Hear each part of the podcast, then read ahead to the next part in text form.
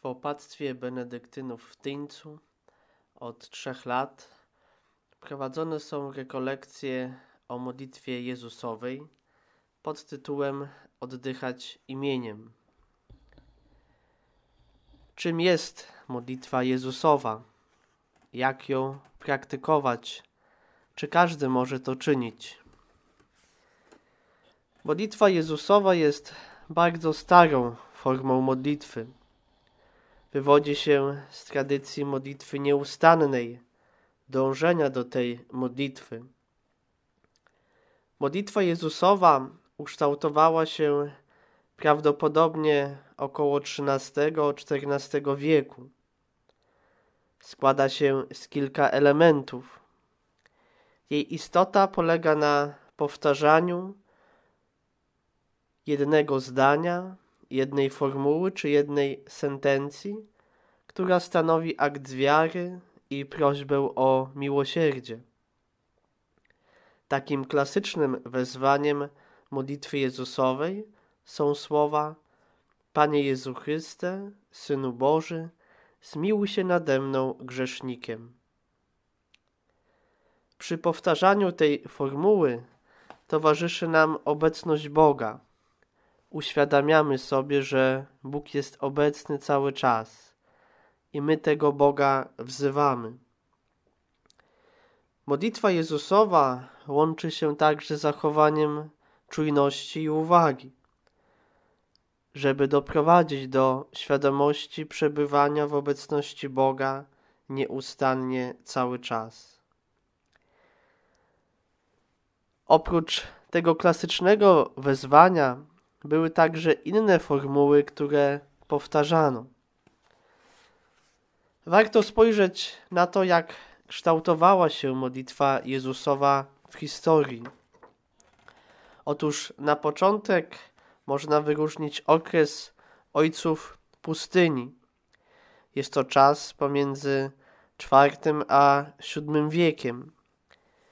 Wielkim świętym, który rozpoczął życie monastyczne, był jednym z pierwszym, z pierwszym z wielkich pustelników egipskich, był świętym, był święty Antoni. Zanim poszły inne rzesze mnichów, którzy pragnęli naśladować jego sposób życia. I tak Egipt stał się, można powiedzieć, ojczyzną mnichów. I to właśnie mnisi byli tymi pierwszymi, którzy zapoczątkowali modlitwę, która później stała się modlitwą Jezusową. Święty Antoni Wielki żył w IV wieku. Mamy jego żywot spisany przez świętego Atanazego Wielkiego, biskupa, jednego z ojców Kościoła, doktora Kościoła. I u początków właśnie życia świętego Antoniego leżało pragnienie wewnętrznego pokoju. Nie świętego spokoju, ale głębokiego pokoju jako owocu Ducha Świętego. Aby poprzez łaskę Ducha Świętego obudzić serce, obudzić serce do wiary, oczyścić je, aby ono mogło stać się miejscem przebywania Boga, aby można było w nim doświadczyć Bożej obecności. I Antoni udał się na pustynię, aby tego Boga szukać, aby szukać tego wewnętrznego, głębokiego pokoju. Ale pustynia nie jest miejscem ucieczki, nie jest miejscem ucieczki od tego świata, ale podążaniem za tym, którego człowiek pragnie, tym, którego szuka. Pustynia ukazuje, kim człowiek jest i do czego ma dążyć. Uczy pokory, oderwania od siebie i skupienia na tym, co najważniejsze. Dlatego też duchowość ojców pustyni mogła stać się prawzorem dla wszystkich chrześcijan. I inni w ślad za świętym Antonim poszukiwali też sposobu modlitwy, aby tego Boga znaleźć. Jedną z takich form było powtarzanie jednego krótkiego wezwania w różnych formułach, na różny sposób. Ale właśnie to powtarzanie jednego zdania, jednej sentencji było początkiem tego, co określamy mianem modlitwy Jezusowej. W apostygmatach ojców pustyni możemy znaleźć taki schemat, że młody adept życia mniejszego przychodzi do starca, prosząc jego o słowo. Abba, powiedz mi słowo, jak mam się zbawić. I ten Abba powiedział pewną sentencję, pewne zdanie, często oparte na słowach z Pisma Świętego. I dla tego ucznia było to zdanie, które rozważał, powtarzał, zdanie, które właśnie miało mu pomóc osiągnąć zbawienie. Zdanie to często powtarzał, recytował, aby je dobrze zrozumieć, aby to zdanie zapadło w serce. I w modlitwie Jezusowej my również często powtarzamy jedno zdanie, jedno sentencję, jedno wezwanie, aby ono nam zapadło głęboko w serce. Ale to nie był tylko jeden pojedynczy zryw. Pustynia odziera nas z wszelkich oczekiwań, wszelkich złudzeń i podobnie modlitwa Jezusowa odziera nas z różnych naszych ludzkich oczekiwań. Modlitwa Jezusowa w swojej formule, w swym zewnętrznym aspekcie jest prosta. Nie ma tutaj nic skomplikowanego, ale jest trudna w wiernym praktykowaniu.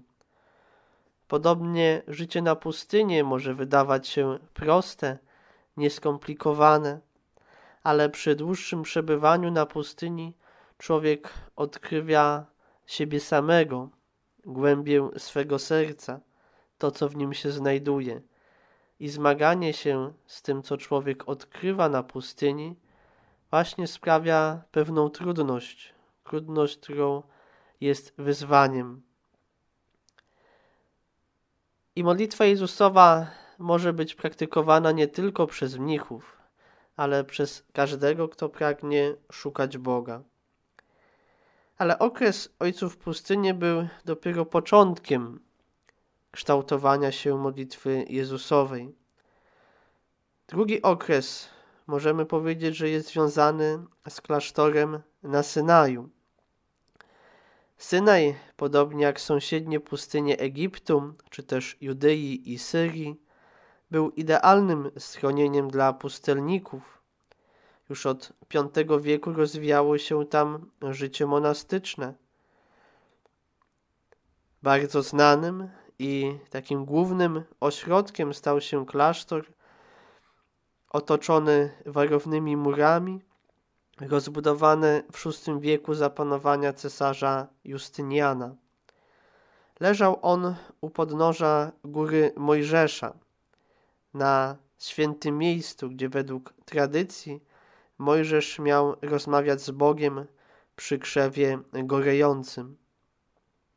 Ten klasztor zwano także klasztorem gorejącego krzewu, a później po przeniesieniu do tamtejszej bazyliki relikwii męczennicy aleksandryjskiej był nazwany klasztorem świętej Katarzyny. I ten klasztor był pierwszym wielkim ośrodkiem monastycznym. Przez wieki promieniował na cały chrześcijański wschód. Tutaj dokonało się przejście od egipskiej pustyni, od życia samotnego do życia we wspólnocie. Do istotnych elementów duchowości synajskiej należało poszukiwanie wewnętrznego wyciszenia, które było traktowane jako warunek modlitwy i trwania przy Bogu. Poszukiwanie takiego stanu stało się podstawą życia mniejszego. ten sposób powstał nowy system ascetyczny, który był później rozwi rozwijany na górze Atos. System ten określamy mianem hezychazmu. Za ojca tego systemu uważa się świętego Jana Klimaka, który jest postacią przełomową w duchowości synańskiej. Inni późniejsi mnisi i też pisarze synajscy Hezychiusz i Filoteusz położyli jeszcze większy nacisk na pokój serca, czujność, trzeźwość w myślach, czynach i słowach, a także na nieustanną modlitwę. I właśnie w klasztorze gorejącego krzewu na Synaju w sposób szczególny rozwinął się kult imienia Bożego. Właśnie kult wzywania imienia Boga. W Nowym Testamencie możemy znaleźć wiele fragmentów wzywania imienia Chrystusa. Pierwsi chrześcijanie często modlili się właśnie w imię Jezusa Chrystusa. I mnisi idąc za tą praktyką pierwszych chrześcijan również to imię Chrystusa wzywali. I w modlitwie Jezusowej my również wzywamy imię Jezus, imię drugiej osoby Trójcy Świętej. Kolejny, trzeci okres, który możemy wyróżnić w historii kształtowania się modlitwy Jezusowej, jest związany z Konstantynopolem. Gdy w VII wieku Egipt, Palestyna i Syria dostały się pod panowanie arabskie, wtedy wzrosło znaczenie Konstantynopola jako ośrodka życia duchowego na chrześcijańskim wschodzie. Ważną rolę spełniały tu klasztory skupione w cesarskiej stolicy lub na jej obrzeżach. W samym mieście wyróżniał się klasztor studytów, założony przez konsula Studioza w 463 roku. Zyskał on szczególne znaczenie w VIII-IX wieku, kiedy zasłużył się w obronie kultu obrazów. Był on zreformowany przez Teodora Studytę, żyjącego na przełomie VIII i IX wieku. Znaczące jest to, że mnich studycki z Konstantynopola, święty Symeon, nowy teolog, który żył na przełomie X i XI wieku, stał się pierwszym wielkim, a może nawet największym mistykiem bizantyńskim. I ostatni już okres, który możemy wyróżnić w historii kształtowania się modlitwy Jezusowej, jest związane z klasztorem na górze Atos. Wieki XIII i XIV określane są często jako czas syntezy w teologii bizantyjskiej. Pozostaje też decydujący w rozwoju duchowości hezychastycznej jak również modlitwy Jezusowej.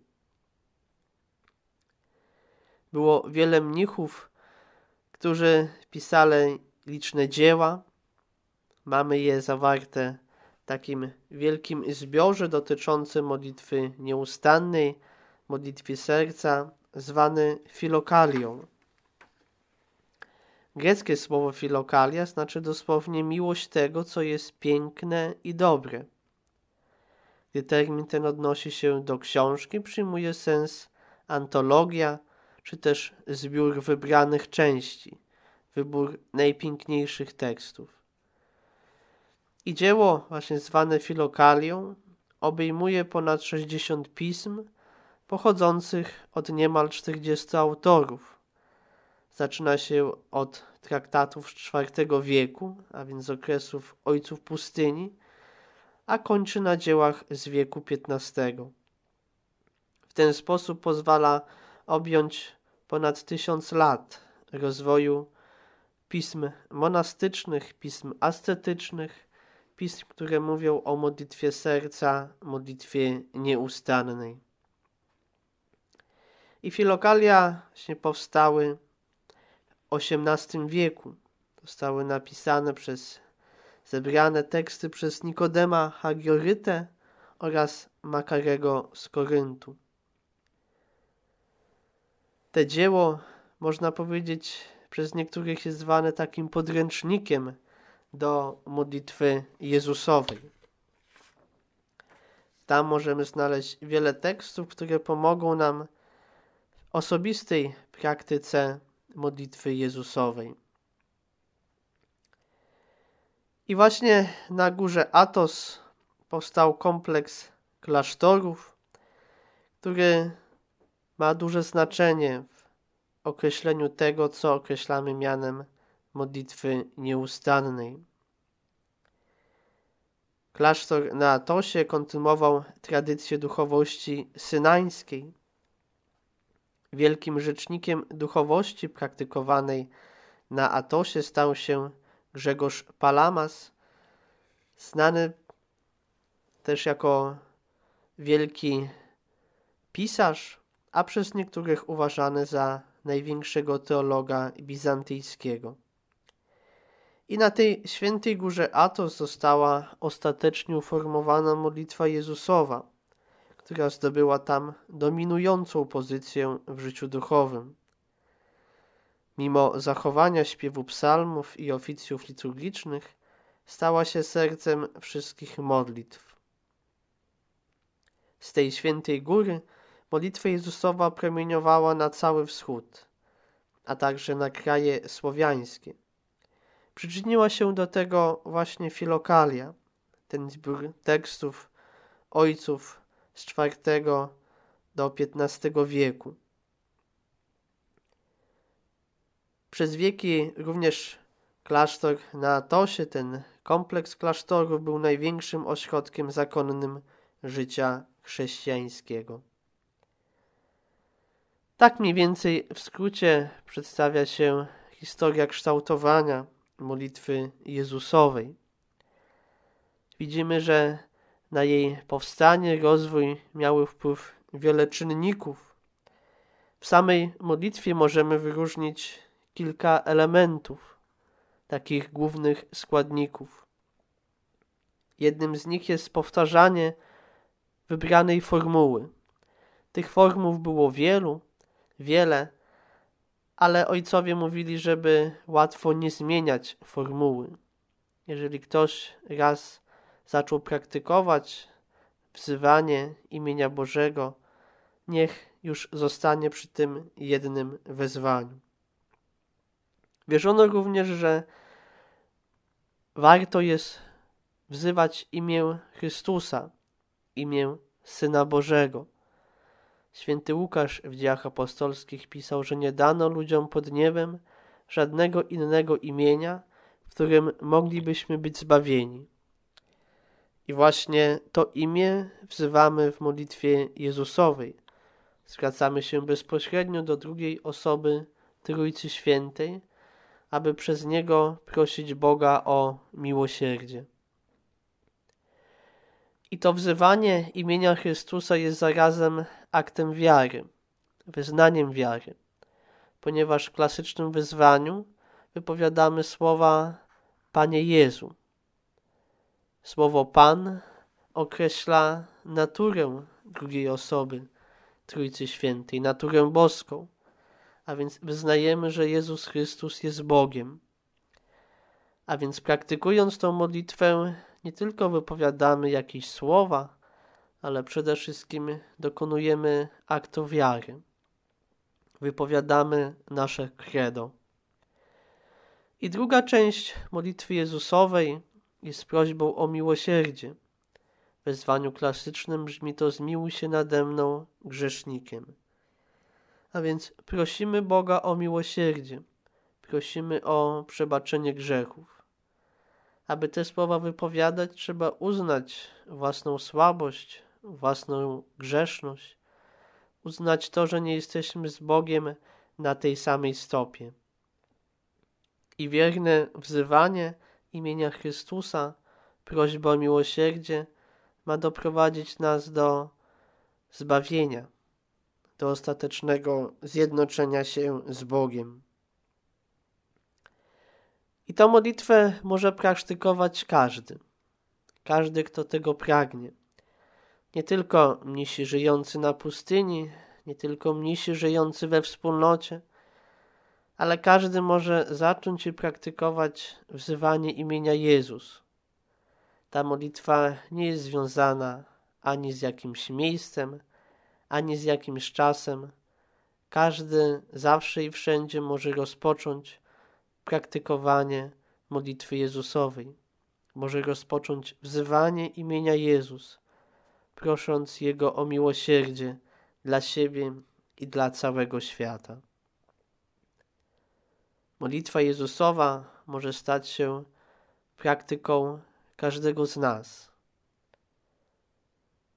Niech wzywanie imienia Boga, imienia Jego Syna, Jezusa Chrystusa, który umarł i zmartwychwstał dla naszego zbawienia, stanie się drogą do zjednoczenia z Bogiem.